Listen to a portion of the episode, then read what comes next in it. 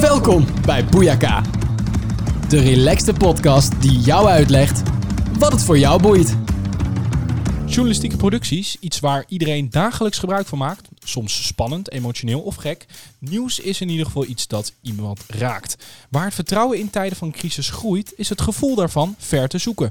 Journalisten insluiten, uitjouwen en bekogelen. Deze mensen zou je neer moeten hoeken. Geweld is echter nooit de oplossing, dus laten we maar niet voor die kant kiezen. Maar pas op, want wij hebben de geweldplegers in de smiezen. Met Tim Etma en Delano Seliman. Ja, goedemorgen, middag, avond of nacht. En fijn dat je luistert naar de tiende aflevering van Boeiaka de podcast. Journalistiek, een vak waar zowel Tim als ik vorig jaar in zijn afgestudeerd en beide amper werkzaam in zijn. En toch blijft het een vak wat we op de voet blijven volgen en wat essentiële gevolgen heeft voor jou als burger. In deze aflevering meer over de achtergrond van de journalistiek, nepnieuws en haat tegen journalisten. En ook deze keer hebben wij een fantastische gast in ons midden en weten te strikken. Niemand minder dan Dolf Rogmans, hoofdredacteur van Villa Media. En Dolf, welkom in de uitzending. Goedenavond, uh, dank dat ik uh, bij jullie mag aanschuiven. Nou, ja, dankjewel ja, dat jij erbij bent. Ja, hartstikke leuk. Um, ja, je, je verklapt het net al, uh, Delano. De tiende aflevering. Ja, daar doen we een biertje op.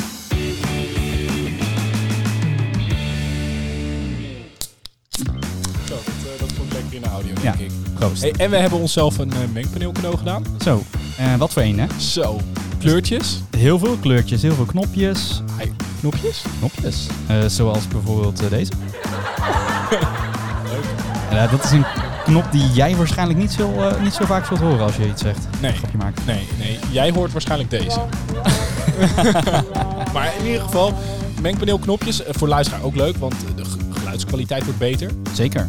Het is een, uh, ik denk dat het een hele goede investering is geweest. Uh, je zult gaan merken dat Tim en ik uh, gewoon wat gestroomlijnder klinken. Het klinkt allemaal net, net even wat fijner. Geen gekke achtergrondgeluidjes, geen gekraak meer, dat vooral.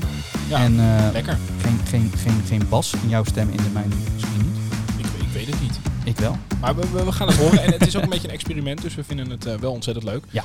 Um, laten we in ieder geval gewoon beginnen met de podcast. Um, Dolf, om maar gelijk met de deur in huis te vallen en misschien ik vond het zelf een hele lastige vraag in ieder geval. Um, wat is journalistiek eigenlijk? Nou ja, dat is ook een lastige vraag overigens. Dan kun je, uh, zelfs professoren komen daar niet uh, uit. als je het helemaal uh, wilt dichtleiden als vak. Mm -hmm. Maar voor mij gaat journalistiek om twee dingen. Ja. Het gaat voor mij om waarheidsvinding. Dus wat is er nou echt gebeurd? Zonder dat je nou dat meteen altijd kunt bereiken. Maar het is in ieder geval de ultieme poging om dat voor elkaar te krijgen. Mm-hmm. En het gaat om verhalen vertellen, storytelling. Hè, dus je moet het ook vormgeven, zodat het ook aankomt bij degene die je wil bereiken. Die twee elementen bij elkaar, dat is uh, journalistiek voor mij. Nou, dat, tenminste, wij hebben journalistiek gestudeerd komt redelijk overeen. Hè? Ja, dat is wel wat er ook in de studieboekje staat en wat wij volgens mij iedere docent hebben horen zeggen. Ja, maar het is niet, nou, alleen, het, het is niet alleen een docent, maar ook in, in real life hebben wij het wel meegemaakt dat dit Zeker. eigenlijk de kern van de journalistiek is. Ja. Um, dan is misschien uh, mensen die het niet kennen, en wat ik me eigenlijk niet voor kan stellen, maar Villa Media uh, zullen mensen die niet in de journalistiek werken misschien niet kennen. Um, Dolf, kan jij in twee zinnen uitleggen wat Villa Media is? Ja, wij pretenderen uh, een website en een tijdschrift te zijn, uh, met de, of dat pretenderen we niet. We hebben als ondertitel alles over journalistiek. Dus wij willen de journalist helpen bij de uitoefening van zijn vak. En dat doen we door over journalistiek te schrijven. We, we maken ook een, een, podcast over journalistiek. We hebben een tijdschrift over journalistiek. Maar we hebben op die website ook vacatures voor journalisten, een opdrachtensite voor journalisten, een overzicht met journalisten die je kunt inhuren. Dus we willen journalisten wel helpen met het vinden van werk als ook als ze aan het werk zijn, eh, helpen met informatie over hoe ze hun werk beter kunnen uitoefenen. En dat doen we met een redactie van uh, vijf mensen, okay. uh, met een webontwikkelaar. Een en wij zijn onderdeel van de Nederlandse Vereniging van Journalisten. Dat is onze eigenaar. Uh, maar wij zijn wel onafhankelijk van die vereniging. Dus wij kunnen zelf als redactie besluiten waar we wel en geen aandacht aan besteden. Dat is in een notendop wie wij zijn. Ja, wat ook wel essentieel is hè, in de journalistiek. Dat een uh, redactie onafhankelijk is. Zeker. Toch? Onafhankelijkheid Zo, is was volgens mij iets wat, uh, iets wat volgens mij nog aan bod gaat komen. Of Zeker. Hey, ja. uh, Dolf... En onafhankelijkheid is een belangrijk uh, thema, absoluut. Ja, ja. ja, ja. Hey, um, en ja, het is misschien, we gaan, het, we gaan het even lekker breed houden en straks gaan we inzoomen. Maar voor nu, wat is nieuws volgens jou, Dolf? Dan krijg je ook een breed antwoord van me om Ja. te beginnen. Eh, eh, eh, nieuws is iets wat je niet weet. Eh, dus nieuws is individueel. Eh, eh, wat voor jou nieuws kan zijn, eh, is voor mij misschien helemaal geen nieuws meer. Nieuws heeft ook wel te maken dus met ook je interesses, wat je wil weten. Want een hele hoop dingen die jij waarschijnlijk belangrijk vindt, zullen mij niet zoveel boeien en is voor mij geen nieuws. Dus, dus als journalist heb je daar dus, als je dat dan vertaalt naar die journalistiek, heb je dus heel erg rekening mee te houden dat je op zoek gaat naar nieuws waarvan je hoopt dat jouw publiek, publiek dat, daarin geïnteresseerd is. Heel concreet, als je bij Villa Media werkt, eh, als er dan in de land- en tuinbouw een nieuw kevertje is eh, wat eh, alle uien opeet, dan is dat voor ons geen nieuws. Maar voor de land- en tuinbouw is dat waarschijnlijk heel groot nieuws. Ja. Dus nou, dus, ik zal hier ongeveer ophouden met mijn college nieuws. Maar, maar volgens mij is dus... Ja, het, is, Het heeft ook met je doelgroep te maken. Nee, je, je, Ja. je, wil het weten en je wist het nog niet. Of Ja. je wist het nog niet en je wil het weten. Oké. Hey, een andere hele brede vraag dan wellicht. Eh, voor ons is dat een antwoord, of voor ons is het antwoord vrij helder, denk ik, op deze vraag. Maar de vraag die je wil gaan stellen is: waarom is de journalistiek eigenlijk zo belangrijk?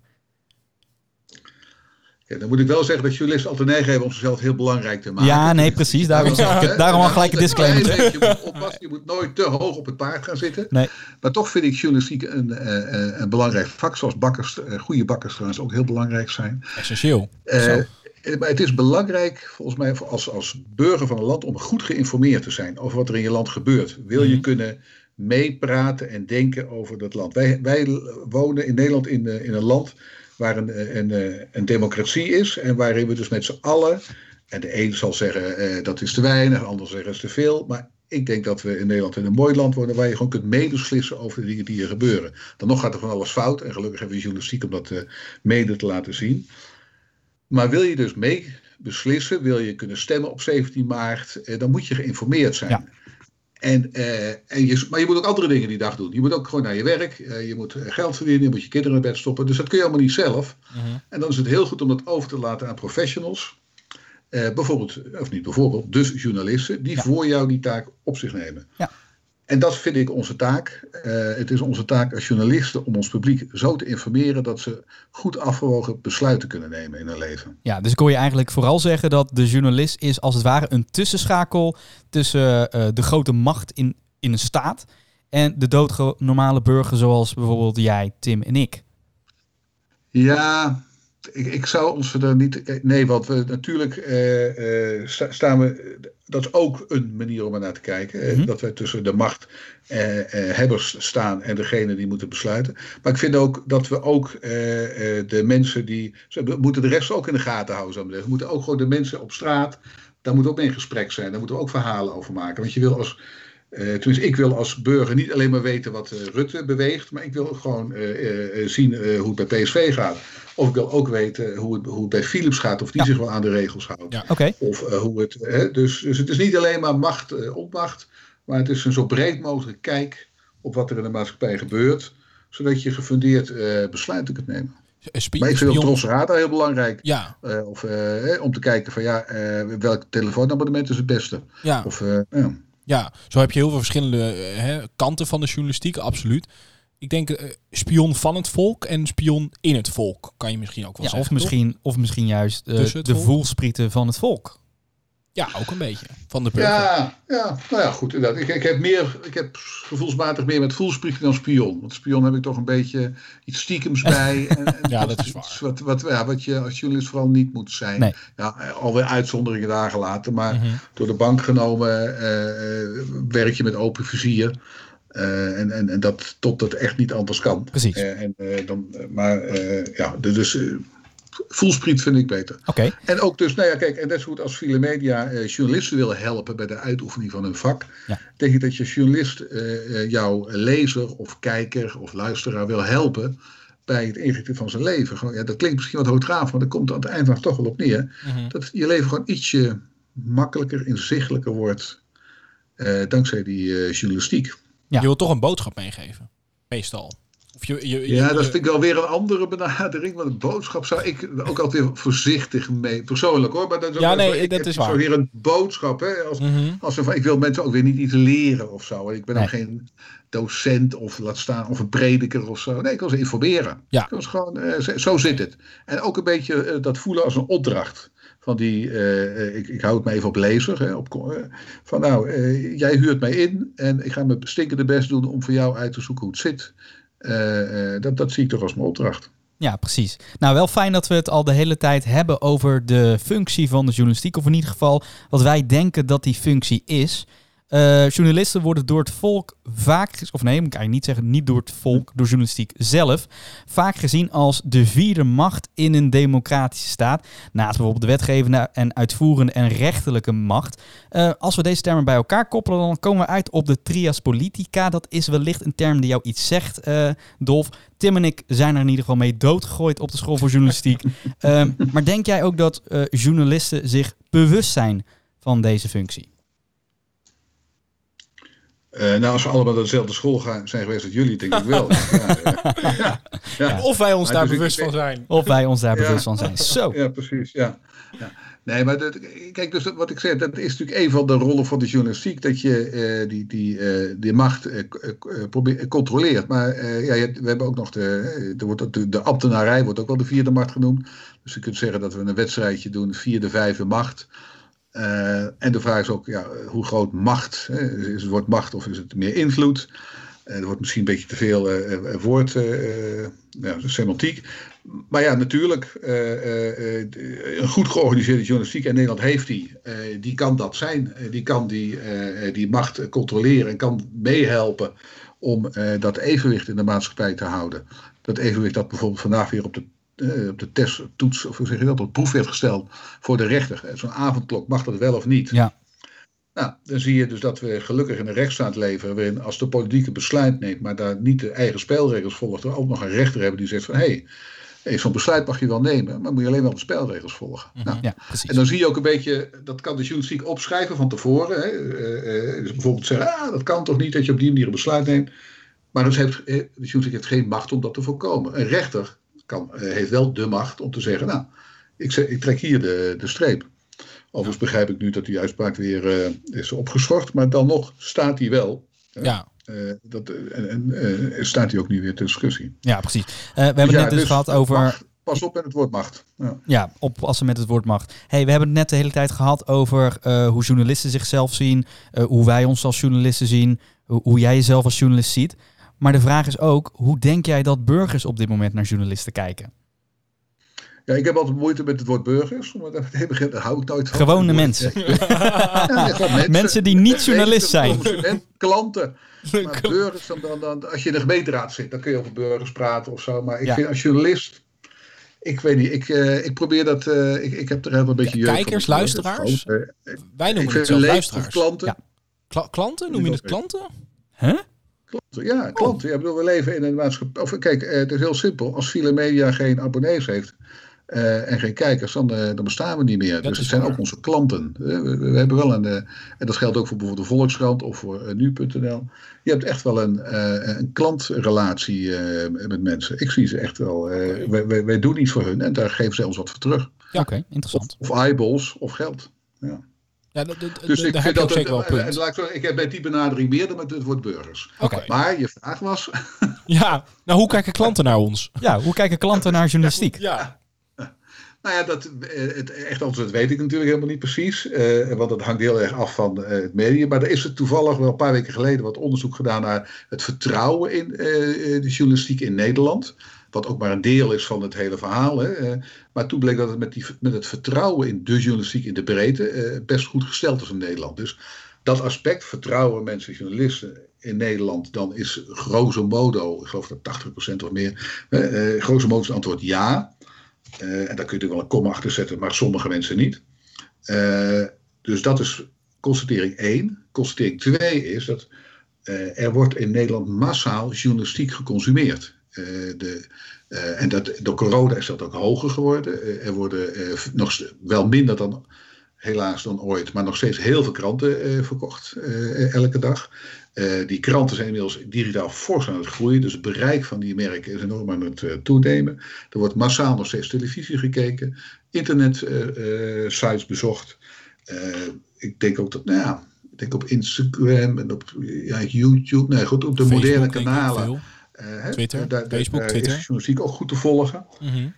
Dus ja, er is eh, waanzinnig veel eh, eh, aandacht, of hoe zeg je, dat wordt eh, eh, gredig afgenomen, journalistiek. Het, is, het, is, En het wordt vertrouwd. het, het is een hot item, populair kunnen we dus ook wel zeggen. Om censuur te voorkomen deze uitzending zijn we ook deze keer de straat opgegaan om de mening van de burger slash klant te achterhalen. De vraag was deze week, hoe ziet een journalist er eigenlijk uit? De bezopen vraag. Het eerste wat in mij opkomt is een eh, persoon met een microfoon in zijn hand eh, die eh mensen vragen stelt en eh, best wel overtuigend overkomt en eh, heel ent- enthousiast is over zijn werk en een heleboel vragen heeft waar geen einde aan komt. Hoe eh, denk jij dat een journalist eruit ziet? Ik denk dat een journalist een persoon is die altijd voorbereid is en ehm, heel erg nieuwsgierig is en ehm, onderzoekend. een mooie outfit aan heeft, strak in pak, mooie glanzende schoenen aan heeft. En eh, goed Je keek naar mijn schoenen. Ja. Een goed getrimd baardje. En, en qua kleding? Ah, Ik weet niet. Ik denk bij journalisten juist een beetje aan zo'n slonzig. Van eh, het boeit me niet hoe ik eruit zie. Ik ga gewoon, eh, weet ik veel, ik ga gewoon doen eh, wat ik wil weten en that's it. Ze- Ik denk dat ze niet echt aandacht besteden aan hun uiterlijk. Ik denk dat Delano het helemaal met je eens is. Ja? Oh. Ik denk sowieso dat het misschien niet echt uiterlijk kenmerkt, maar ik denk dat iemand heel eh, zelfverzekerd moet zijn. Want iemand moet wel durven vragen stellen, durven vooraan te staan wanneer er iets gebeurt. En verder is denk ik dat iemand een bril op heeft. Moet hij een bril hebben? Ja, anders neem ik iemand niet serieus. Oké. Ja, nu neem ik je niet meer serieus, Tim. Ik doe mijn bril af en meteen eh, is het klaar. Nu luister ik niet meer naar je. Doei! Boeiaka, de podcast. Ja, hoe ziet een journalist nou eigenlijk uit? Ik zit jou even te, be- te bekijken, te bewonderen. Nou, Grijs shirt, en, en wat zie je? biertje in de hand, Ja, lijntje kook voor je neus. nee, dat is een de geintje hoor. ja. En een snor. En een snor, ja. Ja. Half baardje. Ja. Ja, ben jij de gemiddelde journalist, denk je? Ehm, ik mag hopen van niet dat het zo is. Voor de journalist. Eh, ja, voor de journalistiek. Nee, nee ik, ik moet eigenlijk eerder zeggen, ik, eh, de gemiddelde journalistiek zou zich dan natuurlijk wel eh, van geluk mogen prijzen dat, eh, dat het er zo uitziet. Nee. Het volgende onderwerp van deze podcast is ook een hele belangrijke nepnieuws. Het is een term die je meermaals voorbij hebt horen komen in onze podcastaflevering, bijvoorbeeld over TikTok, aflevering 5. Eh, daar hadden we het met onze gast Maria Genova over een cyberoorlog met nepnieuws als centrale speler in een cruciale, ja, in ieder geval veel gedoe. Ga die uitzending even checken. Ehm, mocht je het tof vinden om daar meer over te weten, dan kun je natuurlijk ook altijd even een berichtje sturen nog. Ja, toch? Eh, maar we gaan nu weer even hebben over nepnieuws met een journalistieke bril. En mijn eerste vraag luidt dan aan jou, Dolf. Wat is nepnieuws nou eigenlijk volgens jou? Ja, dat is dat, eh, eh, een goede vraag. Dat is alles eh, behalve journalistiek. Het is, ja, het is onzin. Het is mensen die dingen beweren die niet kloppen. Is, eh, en die verpakken, verstoppen, verpakken eh, en laten lijken op nieuws. Ja. Zoiets. En, en is dat dan iets wat opzettelijk gebeurt of per ongeluk? Of hoe? Ja, allebei denk ik. Eh, kijk, eh, ja. Eh, en, en ik denk het toenemende, nou ja, of het groeit, het nepnieuws. Ja, dat, dat, dat vind ik wel, maar ja, zeer, zeker ook zeer bewust. Ik Ja. bedoel, eh, en, en, en het is van alle tijden, overigens voor de goede orde. Hè. We zien natuurlijk wel nu een toename, ook door de eh, digitale eh, eh, werkelijkheid eh, neemt het aantal vormen enorm toe. Eh, ik krijg zelf drie phishing mailtjes of, eh, eh, per dag, denk ik zo'n beetje, eh, over nepnieuws gesproken. Uw bankpas is verlopen. Oh, ik wist niet dat ik daar een rekening had. Nee. Eh, eh, ja, dus, dus eh, dat, dat, eh, maar, maar eh, laat zeggen, eh, als journalist eh, ben je eigenlijk de hele dag bezig met nepnieuws. Want eh, je krijgt, eh, nou ja, per mail misschien, eh, nou ja, althans ik zelf, eh, 20, 30 eh, persberichten per dag. Jeetje. Mhm. En daar zit je toch vaak ook te lezen van ja, klopt het nou helemaal? En het gros schuif je ook meteen eh, terzijde van nou, wat een reclameverhaal. Dus is natuurlijk al, eh, dus als journalist ben je al heel erg bezig om steeds te filteren. Eh, ik krijg informatie aangeboden, klopt het wel, klopt het niet? Eh, En je ziet dat mensen, en misschien is dat wel een aardige analyse, denk ik, als ik nu zo op zeg, dat of een aantal jaar geleden mensen hadden een abonnement op een krant, of luisterden naar de radio, of luisterden naar, keken naar de televisie in, en namen nieuws of berichten altijd gefilterd tot zich.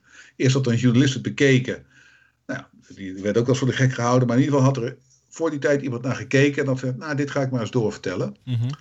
En dankzij social media zijn we natuurlijk veel met elkaar in contact. eh, en is dat filter voor een deel weg. Ja. En Ja. krijgen we ook veel meer ongefilterde informatie. En daar zijn allerlei partijen die daar handig gebruik van maken. Zeggen, hé, dat is handig, er is geen filter meer. Nou, daar ga ik eens eh, gebruiken en sommigen ook eh, misbruik van maken. En nou ja, dan kom je in de, in de hoek van het nepnieuws uit. Ja. Ja, precies. Nou, nepnieuws, wij hebben het er nu over. We hadden het al eerder dus er ook al over in een andere aflevering. Eh, maar de vraag is, waarom is het nou eigenlijk zo belangrijk dat we het probleem van nepnieuws erkennen en het er steeds met elkaar over hebben? Nou ja, eh, kijk, eh, het maakt natuurlijk helemaal niet uit dat mensen... Kijk, in de kroeg zei wel eens onzin eh, te kletsen. Dus een hele hoop nepnieuws is helemaal geen probleem. Het wordt pas vervelend als dat bijvoorbeeld, zo, en dat is bij eh, de verkiezingen in 2016 in Amerika aantoonbaar gebeurd, als het wordt ingezet om bijvoorbeeld een politiek doel te bereiken. Om ervoor te zorgen dat er iemand anders eh, eh, wordt gekozen. Eh, de brexit zou je ook nog wel op die manier kunnen gaan analyseren. Van is het nou zo dat daar bepaalde partijen net zo lang leugens over wat er in de Europese Unie gebeurt hebben verspreid, totdat mensen die leugens zijn gaan geloven. Mhm. Dus dat is denk ik wel in zijn algemeenheid het gevaar van het desinformeren van mensen. Mensen structureel niet informeren. Dat zie ik ook in een hele hoop landen gebeuren. Eh, nou, laten we Rusland als, eh, als voorbeeld nemen, waar je geen vrije pers hebt. Mhm. En waar eh, je dus moet voorstellen dat als je daar, net zoals wij hier in Nederland, stel dat je ongeveer hetzelfde mediagebruik hebt in Nederland als in de, de Sovjet-Unie. Dus je luistert overdag eens naar de radio en in de auto bijvoorbeeld. Of je, je, hebt, je luistert een podcast, je leest een krant, je bezoekt wat internetsites en je kijkt s'avonds uh, wat televisie. In Nederland heb je dan waarschijnlijk vijf, zes, zeven, acht verschillende mediaorganisaties uh, bezocht. Mhm. En, uh, en informatie, die allemaal op een eigen manier jou proberen uh, te informeren. In de Sovjet-Unie heb je gewoon alleen his master's voice gehoord. Want Poetin maar, verbiedt echt eigenlijk het tegengeluid. Ja. En, en dan, ja, en dat komt dus heel dicht in de buurt van dus dat nepnieuws. Hij creëert zijn eigen, eigen werkelijkheid. Ja. En laat niemand toe die een andere werkelijkheid uh, formuleert. En dan wordt het eng. Want Ja. dat betekent uh, dat hij zelf al uitmaakt of er een virus is. Of zelf al uitmaakt of het goed met de economie gaat. Of zelf, nou ja, je weet het gewoon niet of iets gebeurt. Ja, en de volgende vraag zou zijn: wat is het gevaar van nepnieuws? Nou, daar heb je nu eigenlijk al antwoord op gegeven. Hier staat dan ook: Ja. nepnieuws kan maatschappij ontwrichtende consequenties hebben voor de samenleving, polarisatie in de, hand, in de hand wekken en het vertrouwen in de politiek en of bestuur ten nadele komen. Maar in het geval van Poetin is het dan ten voordele komen, denk ik dan toch? Ja, leg, mij, leg eens uit waarom de voordelen. Nou ja, als je zelf het nieuws maakt en zorgt dat je alleen maar positieve Ja, geredeneerd berichten... vanuit Poetin. Ja, precies. Ja, Poetin nee, kijk, vanuit, uh, kijk, als ik dictator was, zou ik natuurlijk de boel naar mijn hand zetten. Ja, En dat zou ik zeggen, hoezo nepnieuws? Hè? Nee. Maar eh, vanuit het Russische volk geredeneerd, zou ik zeggen, het, het, Russische mensen, zou zeggen, ja, het is toch, het is toch wel ontzettend vervelend dat je eh, maar, eh, alleen maar hoort wat, wat, wat Poetin eh, wil en, en niets anders. ja. En als je je eigen verhaal eens kwijt wil, of als je een kanttekening wil plaatsen, dan kan het alleen op de muur van de gevangeniscel kun je dat schrijven. En, en, en, een andere uitingsvorm heb je dan niet. Ja. Dus ja, ik zou. Nee, uh, dus dat is echt wel een, een, een, probleem. En, maar je ziet tegelijkertijd wel dat als je het naar onze omgeving uh, verplaatst, dat wij hebben eigenlijk het tegenovergestelde, toch? dat we juist een hele vrije pers hebben, Ja. maar ook een hele vrije manier met elkaar communiceren. Mhm. Dus je mag op Facebook niet, echt niet alles zetten wat je wil. Facebook haalt er ook heel veel af. He, je mag via TikTok, et cetera, nou noem alle platformen op, eh, toch behoorlijk zeggen wat je wil. En dat is meteen ook onze zwakte, dat is onze kracht, dat is ook onze zwakte. Want dat betekent dus dat mensen ook eh, onzin heel makkelijk kunnen verspreiden. De, wij zijn wat kwetsbaarder dan bijvoorbeeld in Rusland, waar ze eerder de, de knop uitzetten. Ja. Of een aantal jaar geleden was ik op vakantie in China. Dan zit je in de hotel uh, CNN te kijken ineens, uh, en dat waren toen de protesten in Hongkong. Nou, anderhalve seconde nadat het er beeld kwam, wap, CNN weg.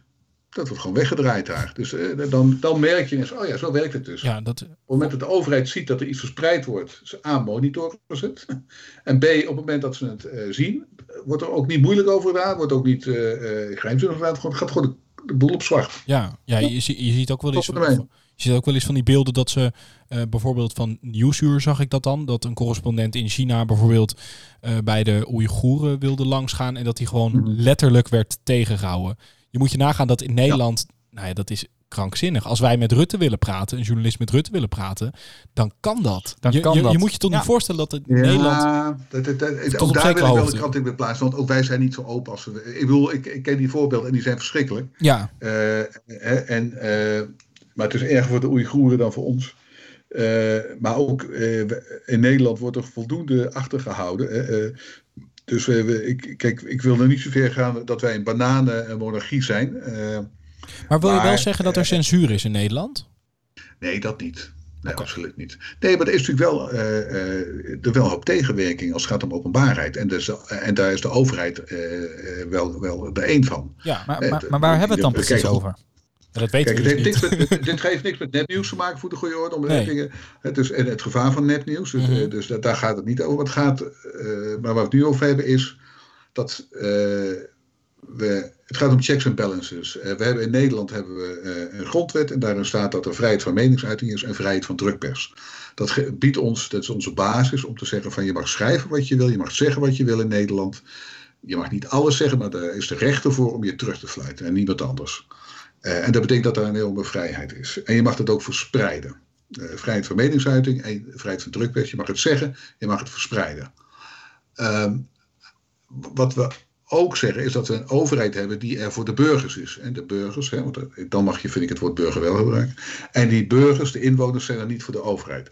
Dus je zou zeggen, die overheid die is transparant naar zijn inwoners toe. Nou, en daar gaat het eh, nog aardig mis, vind ik, in Den Haag. Ja. Want eh, besluiten worden eh, slecht toegelicht, worden, overwegingen worden geheim gehouden. We hebben een wet openbaarheid van bestuur. daar, die op papier redelijk in elkaar zit, maar in de praktijk gebruikt wordt door de overheid om, om juist informatie achter te houden. Ja. En dan kom je op punt, kijk, en dat is onvergelijkbaar met een, met een Rusland, maar wij hebben als Nederland ook zo onze problemen. Het is niet zo, eh, Rusland is eh, slecht en Nederland is goed. Nee, in Nederland eh, hebben we dingen, een hele hoop dingen heel aardig voor elkaar. Maar dat kan ook een hele hoop beter. Ja, maar dat is ook goed, en denk daar ik, toch? hebben we gelukkig ook journalisten voor om ons daarop te wijzen en ons bij te helpen. Ja. Dus vooral niet te veel vind ik altijd idealiseren over hoe het in Nederland gaat. Maar wij kunnen het er in ieder geval over hebben. Ja, nou, dat, dat is in En ieder geval. ja. Wij worden niet. eh, onze microfoon wordt nu niet dichtgedraaid. Nee, gelukkig Nee, niet. Dat zou wat zijn. Dat, dat, zou en wat zijn. Zo. Ja, en als ik dan wel eens met collega's, eh, nou ja, ik heb wel contact met collega's uit Turkije. En, eh, en dan pas besef je eh, hoe goed wij het hier hebben, zou ik zeggen. Met alle kritiek die ik ook nog heb. Ja. Maar kritiek is ook goed. dat, Hoort erbij. Dat, dat, we hier, dat het hier toch enorm goed is. Ja. Ehm, dan, gaan we, dan gaan we toch even een stapje terug naar het nepnieuws. Want ehm, daar waren we uiteindelijk gebleven. Ja. Ehm, bij nepnieuws wordt ook vaak de claim neergelegd dat, dat er wordt geframed. Ehm, allereerst, k- kan je, Delano, kan jij eens beschrijven wat is frame eigenlijk? Eh, grappig dat je dat aan mij vraagt vanavond. Want volgens mij heb ik deze vraag ook nog eh, moeten beantwoorden vandaag in een, in een, in een opdrachtje voor school.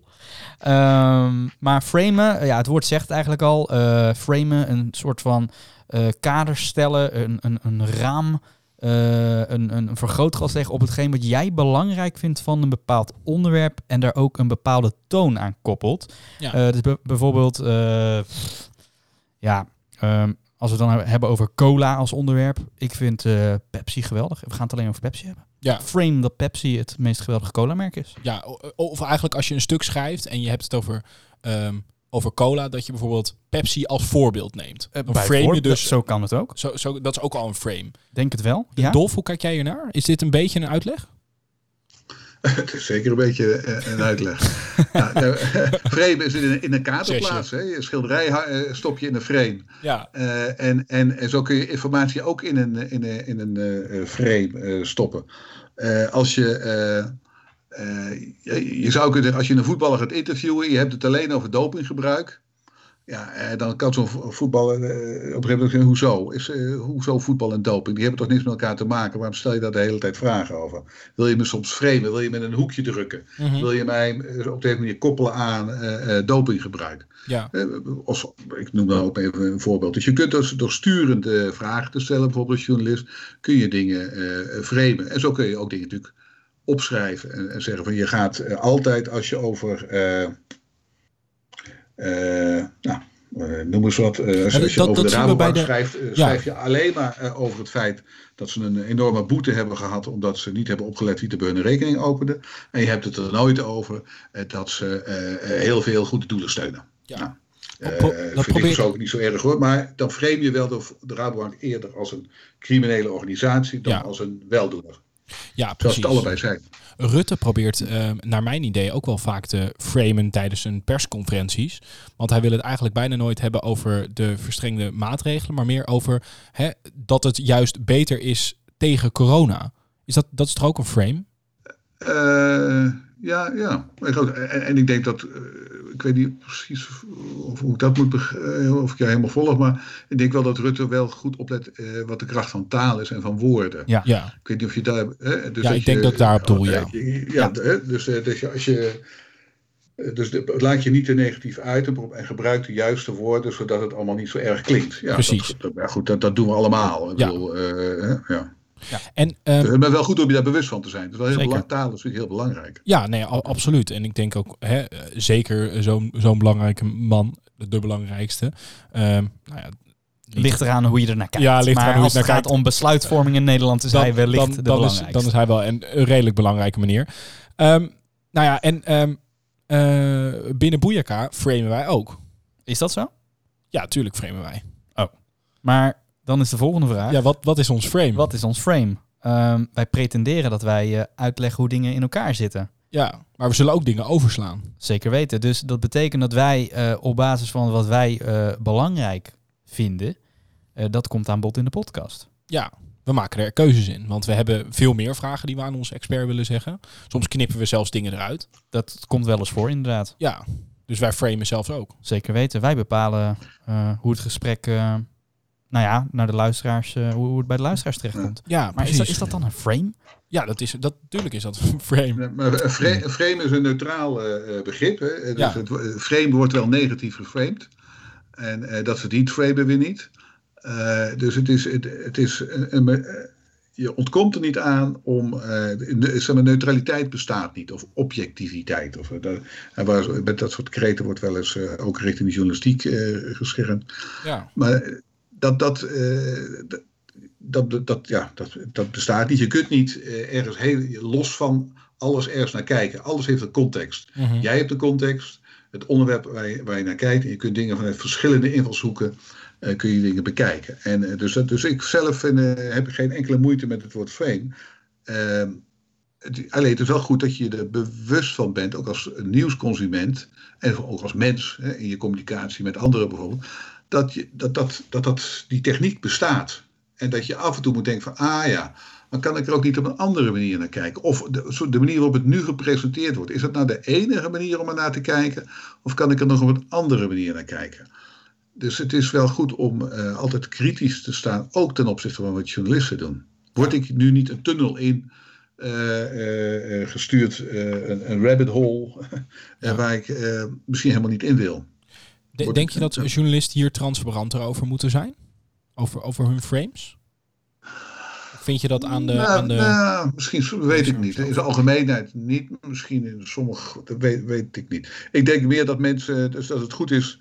eh, Er wordt wel eens over mediawijsheid gesproken. Hè, zeker in het onderwijs. Van, je moet mensen uitleggen hoe media werken. Of hoe, Ja. en, en als ik het nog een breder pak. Hoe eh, informatie eh, tot je nemen werkt. Wat daar een beetje de spelregels van zijn. Dat kan geen kwaad. Een soort, eigenlijk is volgens mij maatschappij leren hoor. Een beetje. Je moet mensen wel. eh, het is fijn als, als, als je een klein beetje doorkrijgt. En soms komt het weer met de jaren en soms niet. Maar hoe de maatschappij in, in elkaar zit. Ja. Helder. En, en, en Oké. Hey, dan de laatste vraag wat, wat betreft nepnieuws. Wat is volgens jou nou eigenlijk de manier om nepnieuws aan te pakken? En is dat eigenlijk een verantwoordelijkheid van de journalist?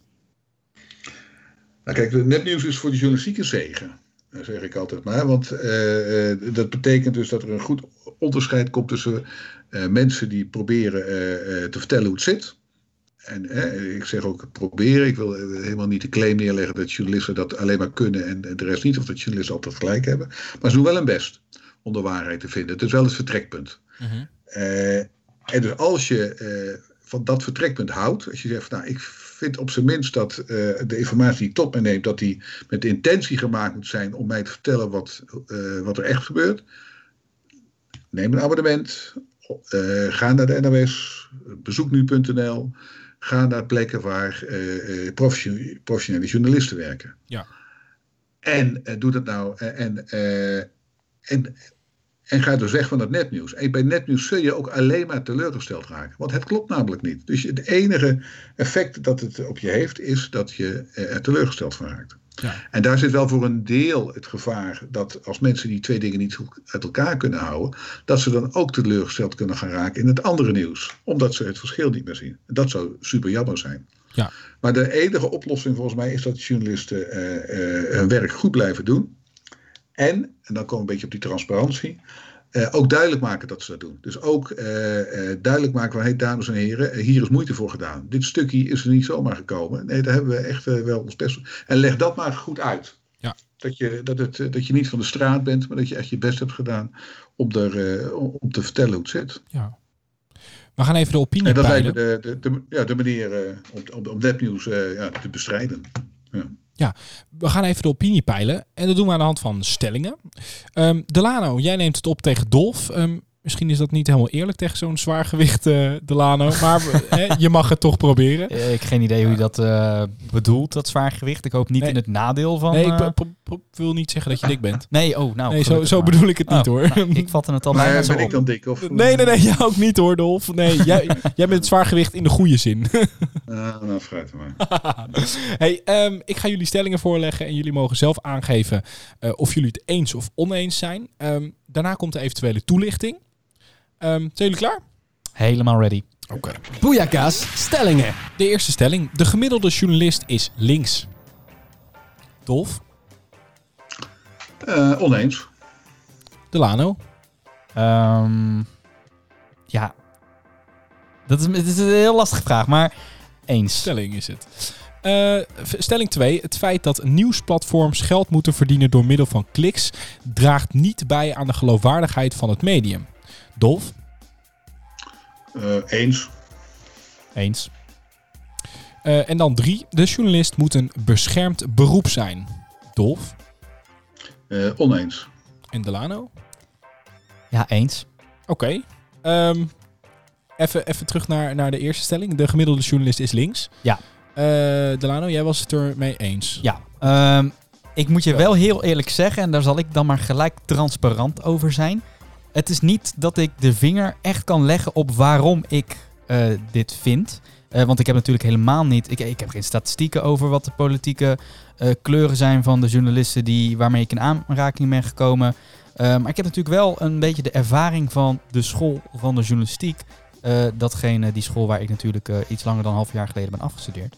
En het valt mij wel op eh, dat de docenten die ik daar voor de klas heb gehad, dat het allemaal wel mensen zijn die eh, links georiënteerd zijn. En het kan zomaar zijn dat, zij een, eh, dat, dat die linkse ideeën die zij hebben toch per ongeluk doorcijpelen naar, naar de leerlingen. En ehm, er is toch altijd wel een bepaalde... Kijk, laat ik ook één ding zeggen. Ik ben van nature ben ik gewoon hartstikke links. Oké? En ik heb op de SVJ heb ik zelf ontzettend veel standpunten en meningen met medejournalisten gedeeld. Ehm, dus ja, ik, ik, ben nooit Uit, uit jouw eigen ervaring denk je dat de gemiddelde journalist in, ja. jouw, in jouw omgeving links is. Ja, het is nooit dat ik, eh, dat ik met een journalist van, eh, van, van, van school eh, een discussie heb gehad over bijvoorbeeld het, eh, het immigratiebeleid in Nederland. Het, het zijn er inderdaad, naar mijn idee, ook weinig. In ieder geval op onze school. Ja. Maar eh, dat zijn mijn referentiekaders. Ja, Dat precies. Dat, zijn, dat is jouw frame. dat is mijn als frame. Je jong bent, ben je, als je jong bent, ben je links. En als je verstand krijgt, dan word je rechts, toch? Zo is het toch? Dat, dat zeggen ze toch? Ja, daarom. Ja, je, Dus- wordt, dus je ik denk bent dat dat misschien wel. je bent idealistisch en je wordt langzaam maar zeker realistisch. Ja, nou kijk, daarom. En, hup, en dan ga je met je stem. Ja, nee, kijk, ik, ik, ik, ik weet het niet. En, eh, dus, dus ik zou ook niet zo willen zeggen dat het, eh, dat het waar is. Eh, volgens mij is er niet echt veel onderzoek naar. En wat ik wel zie, dat er in Nederland eh, voldoende media zijn eh, die ik niet meteen op de linkerflank eh, zou zetten met hun inhoud. Ja. Eh, eh, eh, eh, Elsevier, eh, eh, WNL, eh, Geen Stijl, eh, eh, je hebt nog zo'n publieke omroep, eh eh, Poont, eh, De Telegraaf. Ja. Eh, hè, zo zijn er, eh doe het nu even zo uit mijn hoofd. Dus ik denk nou, dus, en daar werken allemaal journalisten. Mhm. Eh, dus ik van nou, en het wil niet zeggen dat die allemaal dus rechts stemmen, want dat weet ik gewoon niet. Maar om nou meteen te zeggen van nou, dat kan niet anders dan dat het merendeel van de journalisten links is. Je weet Ja, het gewoon niet. Ik weet het. Ik weet nee. Nee, maar ik kan ook reden bedenken waarom dat wel zal meevallen. Oké. Ja. Ehm, laat die reden heel even zitten. Ik wil eigenlijk nog even door naar de laatste stelling. De journalist moet een beschermd beroep- beroep zijn. Ehm, Dolf, hier hadden wij het voor de uitzending ook al over. En ik vond jouw mening heel interessant daarover. Wil jij je licht hierop laten schijnen? Waarom moet de journalist een, eh, geen, bescherm, of geen beschermd beroep zijn, zoals het nu is? Zoals het nu niet is. Het is toch geen Nou ja, beschermd kijk, beroep? eh, kijk, het is geen Ja, onbeschermd klopt. Ja, Het is klopt. een onbeschermd beroep. Het Ja. is geen beschermd beroep. Iedereen kan journalist, noemen. ja, en, precies. iedereen is journalist, zou ik zeggen. Dus, eh, omdat, kijk, ik weet niet wat, eh, eh, wat die bescherming dan zou moeten inhouden. Hè. Die, meestal betekent dus dat, dat, ja, sommige mensen mogen zich dan geen journalist noemen. En de vraag is wat dat dan inhoudt. Als dat dus dan inhoudt dat je geen gebruik wilt maken van je grondrecht om je vrijheid van meningsuiting te gebruiken, of je daardoor geen gebruik wilt maken van je grondrecht, vrijheid van drukpers, het, om je mening te verspreiden. Als dat het gevolg is van die bescherming, dan ben ik daar moordicus tegen. Want ik zie niet in waarom je die grondrechten zou moeten beperken. Eh, dus, en ik zie niet in waarom je eh, eh, de journalistiek zou willen eh, afgrendelen. Anders dan om eh, de toegang uiteindelijk tot eh, een van die twee grondrechten te beperken. Nou ja, dat moet je niet aan willen. Oké. Dat moet je niet willen. De, Delano? Nou ja, goed, daar heb ik natuurlijk eh, helemaal niets op aan te merken. Laat ik dat even vooropstellen. Want ik ben ook tegen het inperken van eh, grondrechten of aanpassen. Ik vind het prima zoals het nu is. Maar ik denk wel dat het belangrijk is dat er wel een, een, een, een duidelijke scheidingslijn komt tussen wat nou precies eh, journalistiek is, eh, wat wordt geproduceerd door bijvoorbeeld burgers, en wat journalistiek is, dat wordt geproduceerd door mensen die er daadwerkelijk een studie voor hebben afgerond. Want laten we dat ook niet even vergeten. Mensen die een journalistieke studie hebben afgerond, die zijn bijvoorbeeld wel in aanmerking gekomen met, met alle ethische codes die we met elkaar hebben afgesproken. Die hebben daar, als het goed is, van kennis van genomen. Eh, die hebben misschien, weet ik niet, hè, dat is natuurlijk per persoon weer anders, maar eh, net meer kaas gegeten van het beroep om het op een verantwoordelijk en een goede manier te kunnen uitvoeren. En dat is eh, denk ik waarom het wel belangrijk is. Ja. Dat, dat er wel een scheiding zijn komt tussen mensen die, het, die, die de verslaggeving doen bij. Nou, ja, die, die zeg maar die Ja, zichzelf ook pretenderen als zwaar journalist. Ik, ik zie niet in waarom je pas eh, je journalist mag noemen als je een opleiding hebt gehad die journalistiek heet. Ik zou daar. Ik, eh, hoe, ik heb zelf ook eh, jaren geleden op de, de Academie voor Journalistiek in Tilburg gezeten, als die nog zo heet. Eh, dus bedoel, ik eh, heb ook mijn HBO-opleiding eh, gedaan. Maar ik zou niet iemand die dat niet heeft gedaan het recht willen ontnemen. Of, of, eh, om eh, bij een krant te gaan werken of bij een eh, website. Eh, het is aan die hoofdredacteur om te bepalen of degene die bij hem of haar werken. of die in staat zijn het, het, het werk te doen wat, wat zij of hij belangrijk vindt. En, en niet omdat die persoon een papiertje heeft gehaald. Nee, maar zo is ook niet hoe ik Daar er naar kijk. hoor. helpt ons. Kijk, het, is, het zou natuurlijk wel makkelijker soms zijn om te zeggen van ja, dat is nou een journalist en dat niet. Maar eh, ja, het, het nadeel is veel groter. Dus ik, ik Ja. zou er. eh, nee, een begrijp ik. eh, naartoe- Maar na- het, het, is, het ook zeker niet zo dat ik zeg van eh, mensen die er niet voor hebben gestudeerd mogen niet in een functie van journalistiek komen. Dat is niet wat ik bedoel. Maar wat ik bijvoorbeeld ook wel voorbij zie komen in mijn eh, privékringen. Eh, ik ken heel veel mensen die een opleiding journalistiek half jaar hebben gedaan. Eh, maar die zichzelf wel pretenderen als journalist voor zichzelf. Niet voor een bepaald medium werken. Maar wel zich voordoen alsof ze het freelancen zijn. En dan denk ik van ja, ben je dat dan weet je wel? Eh, ik weet het niet. Ik zet daar dan vraagtekens bij. laat het los. Hè, Ja. zo Ja, la- eh, Misschien ja. moet ik dat doen. Hè, de- ja, hoe cares, zou ik maar zeggen. Nee. Kijk, het is eh, daarom. eh, eh, ik denk dat we het meer oplossen met eh, eh, gewoon goed je werk doen. eh, transparant zijn. eh, verantwoording nemen voor wat je doet. Dus ook aanspreekbaar daarop zijn. En ik denk dat eh, in de- in deze wereld eh, toch wel in toenemende mate merken daarbij gaan helpen. En dat merk, hè, dus, dus, dus een Volkskrant of een Follow the Money of een De Correspondent.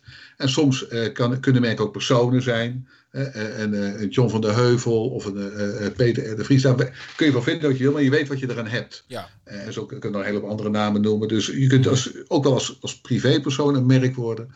Of je werkt bij een merk en dat merk zorgt ervoor dat er een bepaalde kwaliteitsnorm wordt gehandhaafd. En als uh, als inwoner van het land of als consument sluit je je aan bij zo'n merk en zeg van nou, oké, dat financiële dagblad, kijk, daar, als ik dat lees, uh, dan word ik, ben ik zo geïnformeerd dat ik beter mijn werk kan doen, dat ik beter mijn belegging kan doen, dat ik beter me, kan functioneren in de maatschappij. En ik vertrouw erop dat, dat, dat het financiële dagblad geen maloten aan de knoppen zet, maar dat die gewoon goede mensen aannemen. Ja. En of die nou wel of geen journalistiek hebben gestudeerd, I don't care dat, is, dat moet het financieel dagblad maar goed uitzoeken. Ik, als zij maar gewoon goede informatie eh, aan mij bieden. We- ma- Dus, eh, Mag ik één compliment aan jou geven? Je, je zit ondertussen gewoon bijna elk journalistiek medium in de podcast te fietsen. Dat vind ik wel ontzettend knap. dat vind ik echt knap. Dus even mijn complimenten ervoor. ja, maar goed, wij, hartstikke wij mooi. hebben een heel mooi pluriform eh, mediabestel. En dat Ja. is allemaal eh, super belangrijk erin. Ja. Ik bedoel, dat, ja, je kunt niet zonder de een. Dat is je, absoluut waar. Helemaal eens. Ja. en, en, en, en je wil niet zonder de ander. Ja. Alright, hey, we hebben het net dus uitgebreid gehad over nepnieuws. En ja, jammer genoeg is dat niet, eh, dat is iets van nu, maar dat was er vroeger ook dus al. Eh, er zullen altijd mensen zijn die niet geloven in nieuwsmedia. Eh, maar volgens de cijfers is er vertrouwen in de media juist gegroeid. Voor mijn gevoel persoonlijk is dat niet zo. Ehm, heb jij daar een verklaring voor, Dolf? Ten eerste dat het vertrouwen in de media is toegenomen. Maar ik ben eigenlijk ook wel benieuwd. Heb jij het idee dat dat, dat zo is? Nou ja, goed, die enquête zegt dat onder ik geloof 2200 mensen. Dus ook daar kun je wel weer iets anders over zeggen. Ja. En ik geloof eh, dat. eh, de- misschien dat daar, als je een tweede onderzoek doet, dat er net wat anders uitkomt. Het blijft een enquête en een momentopname. En het was ook een hele lichte stijging. Als ik me goed eh, herinner, de uitslag, zei die onderzoekers, ja, je moet wel een beetje met, heel goed met het vergrootglas naar de cijfers kijken. Dan zie je. Dus ik houd er maar op. ik kijk niet zozeer naar die zogenaamde stijging maar meer naar het algemene beeld. Dus je zegt van nou, het is gewoon eh, eh, g- echt een groot gedeelte van de Nederlandse bevolking vertrouwt de journalistiek. Als je aan 2200 mensen vraagt, eh, eh, die ook allemaal netjes geselecteerd zijn. Een procentje meer, procentje minder, dat zal er wel. Maar ik ben al heel blij met dat, met dat beeld. En dat beeld is stabiel. Eh, en niet stabiel dalend, maar stabiel heel voorzichtig stijgend. Maar die stabiliteit en die hoogte ervan, dat vind ik het eigenlijk het, voor mij het goede nieuws. Ja. En hoe komt dat? Volgens mij, ja. eh, Corona? Speelt corona misschien een rol? Toch maar een keer een schouderklopje voor de journalistiek. Van er wordt gewoon hard gewerkt. Ja, en, en, en er worden toch goede dingen gedaan. Ja. En daar gaat er nog genoeg fout hoor. En eh, je kunt er nog genoeg kritiek op hebben. Eh, maar er gaat toch ook best veel goed. Ja. Niet Yes. anders. Het gaat, het gaat gewoon Ja. een keer goed in de journalistiek. Nou. Dat heb ik al een hele lange tijd niet gehoord. Nee, nee, Maar we blijven ook Kijk, kritisch, denk ik, hè, toch? Want ik, ik spreek met twee jonge journalisten. eh, die eh, volgens mij, het ook, eh, als ik jullie zo net hoorde. het moeilijk hebben op de arbeidsmarkt. bij jullie introductie. Allebei zelf niet volledig eh, journalist, journalist Mhm. kunnen zijn op dit moment. Dus er zijn ook wel zo wat uitdagingen. Hè, laten we het pro- problemen noemen. met de arbeidsmarkt voor journalisten. Mhm. Maar als je kijkt naar het productjournalistiek, dat ook, ook daar zijn wel eh, eh, problemen te, te ontdekken. Maar al met al eh, zijn dat, wordt er dagelijks toch een enorme hoop informatie geproduceerd, die ook gewoon er goed uitziet, die gewoon goed is, waar niks mis mee is. Absoluut. Dus met alle piepen en kraken en met alle dingen, als het gaat over beloning, arbeidsmarkt die slecht gaat, tegenwerking van journalisten, we komen zo meteen misschien nog op geweld tegen journalisten. Dus het is van alles en nog wat piep en kraakte. Maar zolang je maar niet te veel onder de boterkap kijkt, die auto rijdt nog steeds heel aardig. Ja, Hij, hij- hè, wat een eh, mooie eh, metafoor. Dat vind ik een prachtig metafoor. ja, stoelen zitten nog lekker, hij schakelt nog. Eh, Oké, als je de motorkap open doet, moet de olie misschien worden bijgevuld. De remmen zijn misschien aan vervanging toe. Maar al met al kun je nog best een paar kilometer met die auto eh, rijden. Ja. Het gaat best goed met die auto. Nou, een eh, positieve noot dus. De journalistiek, wij doen het best wel goed. Eh, toch is er een grote groep burgers die denkt dat wij het helemaal niet zo goed doen. En die er eigenlijk van overtuigd zijn dat, eh, dat wij in functie zijn eh, van de overheid. En opschrijven wat, ja, wat zij willen horen. En dat zorgt soms dus voor confrontaties waar journalisten worden aangevallen en aanslagen op bijvoorbeeld de Telegraaf met een busje. Om vier uur in de nacht filmden beveiligingscamera's van de krant wat er gebeurde. Er is te zien hoe een bestuurder maar liefst twee keer tegen het pand aanrijdt. Dan vlucht hij met de hulp van iemand in een donkere auto. Nou, even een side noteje. De reden hiervan kan ook goed dus te maken hebben met, het, ja, met wat je eigenlijk al zei. Hè? Eh, journalisten die dus over de onderwereld schrijven, die het, ja, wat, wat, wat men moet weten, toch een soort van belichten. Sommige mensen vinden het helemaal niet De, zo de leuk dat onderste daar steen onder... boven halen, toch? Precies. Ja, precies. Eh, de, nou ja, Ja, nee, dat had volgens mij gewoon met eh, die uh, te maken. En eh, ja, John van der Heuvel zit hem op zijn, eh, op zijn, ne- op zijn nek. Ja. En eh, die onthult eh, dingen eh, waarvan Taki zegt van nou dat moet maar beter niet onthuld worden. Ja. En dan is dat de manier blijkbaar om, om dat kenbaar te maken. Ja, het is bizar Ja. dat dat, gebeurt. Maar en he- helaas doet hij dat ook bij alle anderen. Dus het is niet zo dat Taki daar zegt van nou weet je die journalisten ga ik nou eens op die manier aanpakken. Maar die man heeft gewoon ik ken hem niet persoonlijk, maar mijn indruk is toch dat hij te veel eh, Netflix heeft gekeken. en heeft gedacht van ja, als ik het echt niet mee eens ben, dan schiet ik iemand dood of blaas hem op. Ja, weet je, eh, dat, ja, Ja, eh, bizar. ja, gelukkig zit hij achter de tralies. Ja. Kijk, dan, dan, dan maak je jezelf tot... Kijk, het gevolg daarvan is dat die man, eh, ik geloof dat hij eerst in de 40 is, nu staatsvijand nummer 1 is. Ja. En reken maar dat hij eh, gewoon eh, nooit meer vrijkomt. Nee, linksom of eh, rechtsom wordt deze man de rest van zijn leven door, en terecht, eh, door justitie eh, eh, achterna gezeten. Ja. Eh, Ja, het en is anders ook van de Heuvel. Het, het, het is krankzinnig. Ehm, maar eigenlijk onze boodschap hierbij was eigenlijk hoe, hoe kijk je naar geweld tegen journalisten en in het ergste geval dus een aanslag en door, door wie dat dan is, dus of dat door een crimineel is, ehm, ja, dat maakt voor ons eigenlijk niet zoveel uit. Geweld is gewoon geweld. Maar hoe, hoe, hoe kijk je daarnaar? Hoe kijk je daarnaar? Met verbazing Nou ja, of, wel- woede? Of, Het is wel zorgelijk. Nee, Ja. kijk, even, ik vind wel dat je eh, het uit elkaar moet houden. Ik vind wel dat er een groot verschil zit tussen een, een uit de hand gelopen demonstratie op Museumplein Ja. en eh, de bomaanslag bij de Telegraaf. Ik vind dat wel. eh, ik vind dat je dat niet op één hoop eh, moet vegen. Hoewel je. anders dan dat je kunt zeggen, beide zou niet moeten gebeuren. Als je het zo beschouwt, ja, oké, dan mag je het op één hoop geven. Daarna zou ik het weer eh, zou ik er twee hoopjes van maken. en, en zullen we het dan eens over, die, over de, de demonstratie hebben, bijvoorbeeld? Eh, of zo'n demonstratie waar echt... Ja, ja, ik vind dat dat moet je niet opblazen. Dat, dat, eh, kijk, de, de, dat museumplein was nog niet half vol. Eh, Opblazen misschien verkeerd. eh, Dat moet je niet te groot maken. Ja, misschien een, een raar woord in dit verband. Maar dat moet je niet te groot maken. Dat, eh, dat, dat, dat museumplein was half vol. Dus er waren misschien eh, was, er waren er 600 mensen of 1000 of zo. Nou ja, op 17 miljoen mensen. Denk ik, nou, dat is allemaal nog wat te overzien. Mhm. Eh, maar goed, als er, maar je moet wel gewoon met, je moet met je poot van iedereen af blijven, vind ik. Gewoon, je moet, waarom zou je iemand, ja, maar, je moet eh, politie niet eh, in elkaar slaan, je moet geen winkelruiten ingooien. Nee. En je moet ook van journalisten afblijven. En, eh, ja, en het is zorgelijk dat, dat, dat, die dat, dat de, de grens, hoe zeg je, de lat om journalisten aan te pakken, is wel lager, lager. ligt. Ja. En, Is, is dit iets van de afgelopen jaren? Is dit een trend die nu steeds erger wordt? Nou, kijk, het wordt eh, sinds kort goed bijgehouden eh, door de eh, Stichting Pers Veilig. Mhm. En dat maakt dus dat. en daarvoor werd het niet goed bijgehouden. Dus dat maakt het altijd een beetje lastig om heel hard te gaan roepen van het wordt erger, omdat het kan ook gewoon een meet-effect zijn. Ja. Eh, natuurlijk was het eh, vroeger zeggen al mensen ook zo. Eh, ik, ik ben nou, ruim 30 jaar werkzaam in de journalistiek. Ik zeg dat voorzichtig, want ik schrik altijd van dat Zo. getal. Maar ook toen ik jong was, waren er ook gebieden waar je als journalist een beetje voorzichtig moest doen. Ook niet te hard moest roepen. Ook, ook Urk was daar toevallig al bij. Heb ik zelf ook wel eens meegemaakt. Dat je dan moet je ook niet meteen ergens op afstappen. En zo.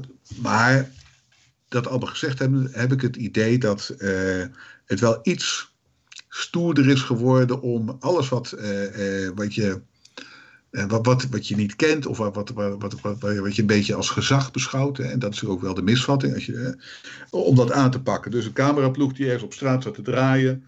Nou, er zijn altijd wel een paar jochies die zeggen, nou gooi er maar een steen naar. Aan de andere kant denk ik van ja, als dat 15-jarige jochies zijn. Ja, ik heb toen in mijn puberteit ook wel dingen uitgehaald waar ik nu minder trots op ben. Dus hoe moet je dat wegen? Moet je, kijk, als je die steen tegen je hoofd krijgt, eh, dan op dat moment interesseert je het niet. Dan doet het gewoon pijn. Dan moet je naar het ziekenhuis. Maar als je dan op afstand naar kijkt, zeg van ja, als, als het daarbij blijft, nou, oké. Dan valt het. Maar er is een Maar dat- categorie. ja, dat valt eh, dat valt toch helemaal niet eh, mee? journalisten, journalisten aan het bestje zijn. Dan kom je bijvoorbeeld bij zo'n Trump uit. Hè, van, als je maar blijft roepen, journalis- journalisten verspreiden nepnieuws. Het is fake nieuws, fake Mhm. news media. Eh, you work for a fake news station. Eh, dat gaat op een gegeven moment wel eh, De zijn effect man van de wereld dat doet. En, Ja. en dat zie je in Amerika bijvoorbeeld wel. Hele grote groepen mensen. Bepaald, eh, journalisten van een bepaald medium, van CNN en ook van de New York Times, zitten gewoon wegduwen. Ja. Dat zie je in Nederland in het klein. En dat, ja, dat is wel, eh wel eng. Maar ja, ik zag vanmiddag of vanavond Willem Engel heet hij. Van, van, Willem eh, Engel. eh, eh, ik mag niet virus waanzin zeggen, maar virus, wat was het ook alweer? Virus waarheid. Dankjewel. Virus waanzin. Virus waarheid. Eh, Virus waanzin Ja, is hè, ook dus, een... eh, eh, Ja, bestaat ja, dat? volgens mij, volgens mij wel, dus ja. dus, ja, ja, nee, het was voorheen virus waanzin. Hè? Op een gegeven moment hebben ze hun naam veranderd in eh, virus waarheid. Oh. Dat is prima, ze heten nu virus Ja, ja. Dus die rechter vergissen zich niet zomaar. Die, eh, alleen die, die versprak zich eh, omdat hij nog met die oude term in de hoofd zat. Ehm, maar eh, daar zie je dat is iemand die eh, heel graag de journalistiek eh, aanvalt. En ook wel gebruikt in zijn frame om eh, de werkelijkheid te, duiden. Maar als hij de journalistiek kan gebruiken, als hij de, journalistiek nodig is als een boodschap over te brengen, dan eh, eh, is hij ook niet is hij de eerste om, om dat te, doen. Hij stond vandaag ook in het journaal zijn overwinning te vieren. En terecht, hè, overigens dat hij dat deed. Maar, dus dat leert mij, lang verhaal, om te zeggen, van, ah, Nederland valt het dan nog wel mee. want zolang zo'n Willem Engel ook nog gewoon met journalisten praat. En Nou, niet alleen zijn maar- eigen... eigen eh, Niet alleen zend. Ja, niet- niet alleen zwarte maar ook vragen. meewerkte, Ja, waar journalisten precies. op stonden. Ja, daar mag je van mij worden, voor worden opgepakt. Ik bedoel, eh, dat, eh, dat, dat, dat, dat doe je gewoon niet. Nee, nee, dat is echt eh, dat is krankzinnig. Hey, ehm, we zijn aan het einde gekomen van de podcast. En we, aangezien onze volgende aflevering, kleine spoil, ook over de journalistiek gaat. Maar dan gaan we het nog inhoudelijker hebben over met Gert-Jaap Hoekman. Dat is de hoofdredacteur van nu.nl over journalistiek. En hoe dat dan in zijn praktijk wat meer gaat. Hè. Ehm, en eigenlijk is de vraag aan jou, Dolf, of jij nog een vraag hebt aan eh Gert-Jaap Hoekman. Nou, eh, misschien moet je, is het aardig om hem hem te vragen hoe het hem bevalt bij de nieuwe eigenaar. Want eh, eh, Sanoma, eh, de, de- de eigenaar van nu.nl, is een eh, drie kwart jaar geleden ongeveer overgenomen door DPG Media. Ja, Dat betekent dat eh Gert-Jaap nu onderdeel is van een, eh, het grootste mediabedrijf eh, van Nederland. Eh, ik denk dat hem dat. eh nou ja, goed. En ik ben benieuwd eh, eh, hoe, hoe dat gaat. Aan de ene kant betekent dat hij van de grootste machine, en dat bedoel ik in positieve zin, van de nieuwsmachine van Nederland onderdeel uitmaakt. Aan de andere kant eh, is er ook heel veel interne concurrentie, want het Algemeen Dagblad, het AD.nl en Nu.nl zijn eh, strijden om wie de grootste website van Nederland is. En is het nou handig om je grootste concurrent eh, als collega te hebben? oké. Interessant. Int- Super En interessant. misschien is het ook om te weten, eh, wat doet dat dan met de kwaliteit van zoek in, eh, journalistiek in we, gaan, Nederland? we gaan het erover hebben. Volgende podcast. Dat er zo'n eh, dat er zo'n groot mediabedrijf is. Eh, nou, bijvoorbeeld, nou ja, dat de concurrentie als het ware. eh nou ja, ik, Dat er wordt minder opgekocht. concurrentie is. Dat er Ja, minder nee, dat is concurrentie is, inderdaad. vraag, inderdaad. Ja, ja, Toch? dus dat ja, heeft ja, toch ook ja. invloed, denk Was ik. het niet beter geweest als nu.nl eh, gewoon een echte concurrent was Precies, ja. Goed, het is niet zo, maar... We gaan, we gaan het er volgende keer over hebben. Hey, lekker, lekker dit jongens. Oeh. hey, eh, Dolf Hogmans, hoofdredacteur van Villa Media. Hartstikke bedankt voor je deelname. En ja, we hebben ontzettend veel geleerd, toch? Zo, Ja. ik, eh, ik heb meer geleerd eh, in deze podcast dan in de afgelopen vier jaar. heel erg bedankt, eh Dolf, dat je erbij was vandaag. Nou, graag gedaan. Hey, mocht je als luisteraar nou zelf een vraag of een interessant onderwerp hebben waarvan jij denkt, wat boeit dit nou voor mij? Laat het ons weten via ons mailadres jouwvraag.boeienkapots.nl En wie weet wordt het de eerste aflevering van het nieuwe seizoen. Ja, Boeieka. Want seizoen 2 eh, komt eraan en dat belooft een, eh, een feestje te worden. Toch? Ja, veel goeds in ieder geval. veel interessante vragen. Ja. Vergeet ons ook niet eh, via Facebook, Twitter en Instagram. Ja, vooral die laatste, die is extra belangrijk tegenwoordig. Op Instagram zijn we extra aanwezig. Volg ons daar, volg onze verhalen en eh, geef ons even een likeje, want dat vindt het algoritme over het algemeen ook wel leuk. Ja. Dus, doe dat. Eh, mocht je nog andere afleveringen willen luisteren, check even de website www.boeiekapodcast.nl, maar tegenwoordig ook www.boeieka.nl. Hij is eindelijk vrijgekomen. Eh, daar staan onze afleveringen, daar kun je alles terugluisteren. Mocht je daar geen zin in hebben, mocht je dat bijvoorbeeld via Spotify willen doen, kan dat ook. Doe dat dan. En wij beloven je, we zijn snel terug met een nieuw onderwerp, een nieuwe aflevering en een nieuwe expert. Tot dan. Tot dan.